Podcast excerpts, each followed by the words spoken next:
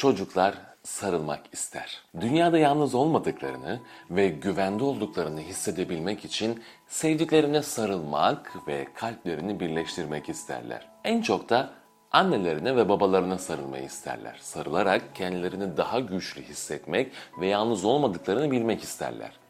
Bir düşünsenize en son kime içten sarıldınız ve o an neler hissettiniz? Çocukların en yalnız kaldıkları an ne zamandır diye düşündüğümde gece karanlığında yataklarında uyurken birden uyandıkları an olduğunu düşünürüm. O an her yer karanlıktır ve yanlarında doğduklarından beri bir an yanlarından ayrılmayan anne ve babası bile yoktur. Koskoca dünyada o an yapayalnız hissederler kendilerini ve tek bir tanıdık yüz vardır yanlarında. En iyi arkadaşı olan oyuncak bir ayı. Korkuya kapıldığı o yalnız anlarında gördüğü o tanıdık yüzün gözleri her daim ona bakar ve çocuk kendine çekerek kocaman sarılır ve en güvendiği, kendisini bu yapayalnız hissettiği anında bile onu yalnız bırakmayan oyuncak ayısına sarılır. Sadıktır, güvenilirdir çünkü hep yanındadır.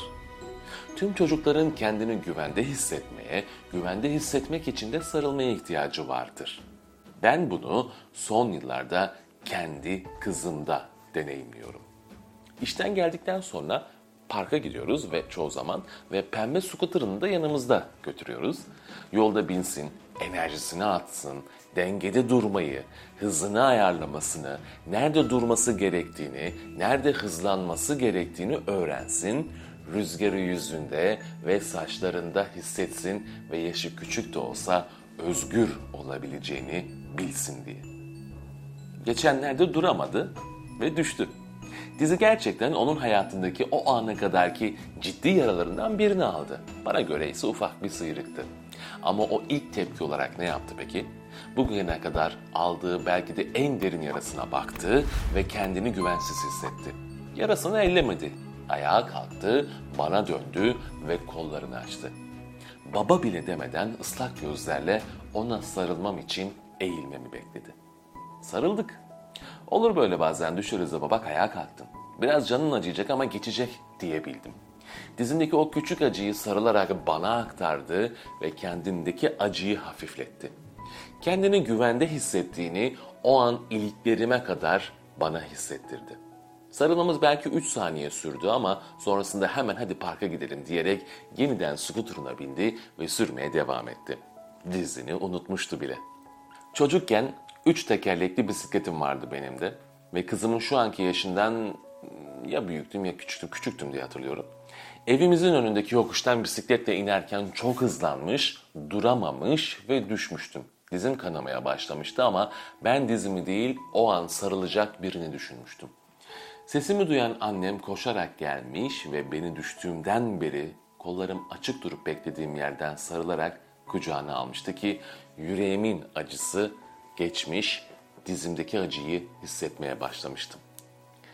Ve gariptir ki ben bu hislerimin farkına geçen gün kızıma sarılırken vardım. Sarılmaya olan ihtiyacın yanında sarılınacak biri olmanın da ne demek olduğunu yıllar sonra kızıma sarılırken anladım.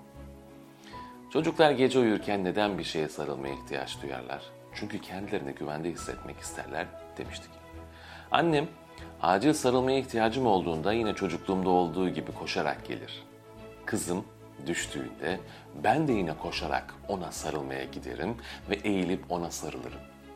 Ama bu her zaman mümkün olmayabilir. Büyüklerimiz her zaman yanımızda değiller. Bizler de çocuklarımızın her zaman yanlarında olamayabiliriz. Bu yüzden şu an düşünüyorum da imkanınız varsa birlikte olduğunuz anlarda birbirinize sarılın.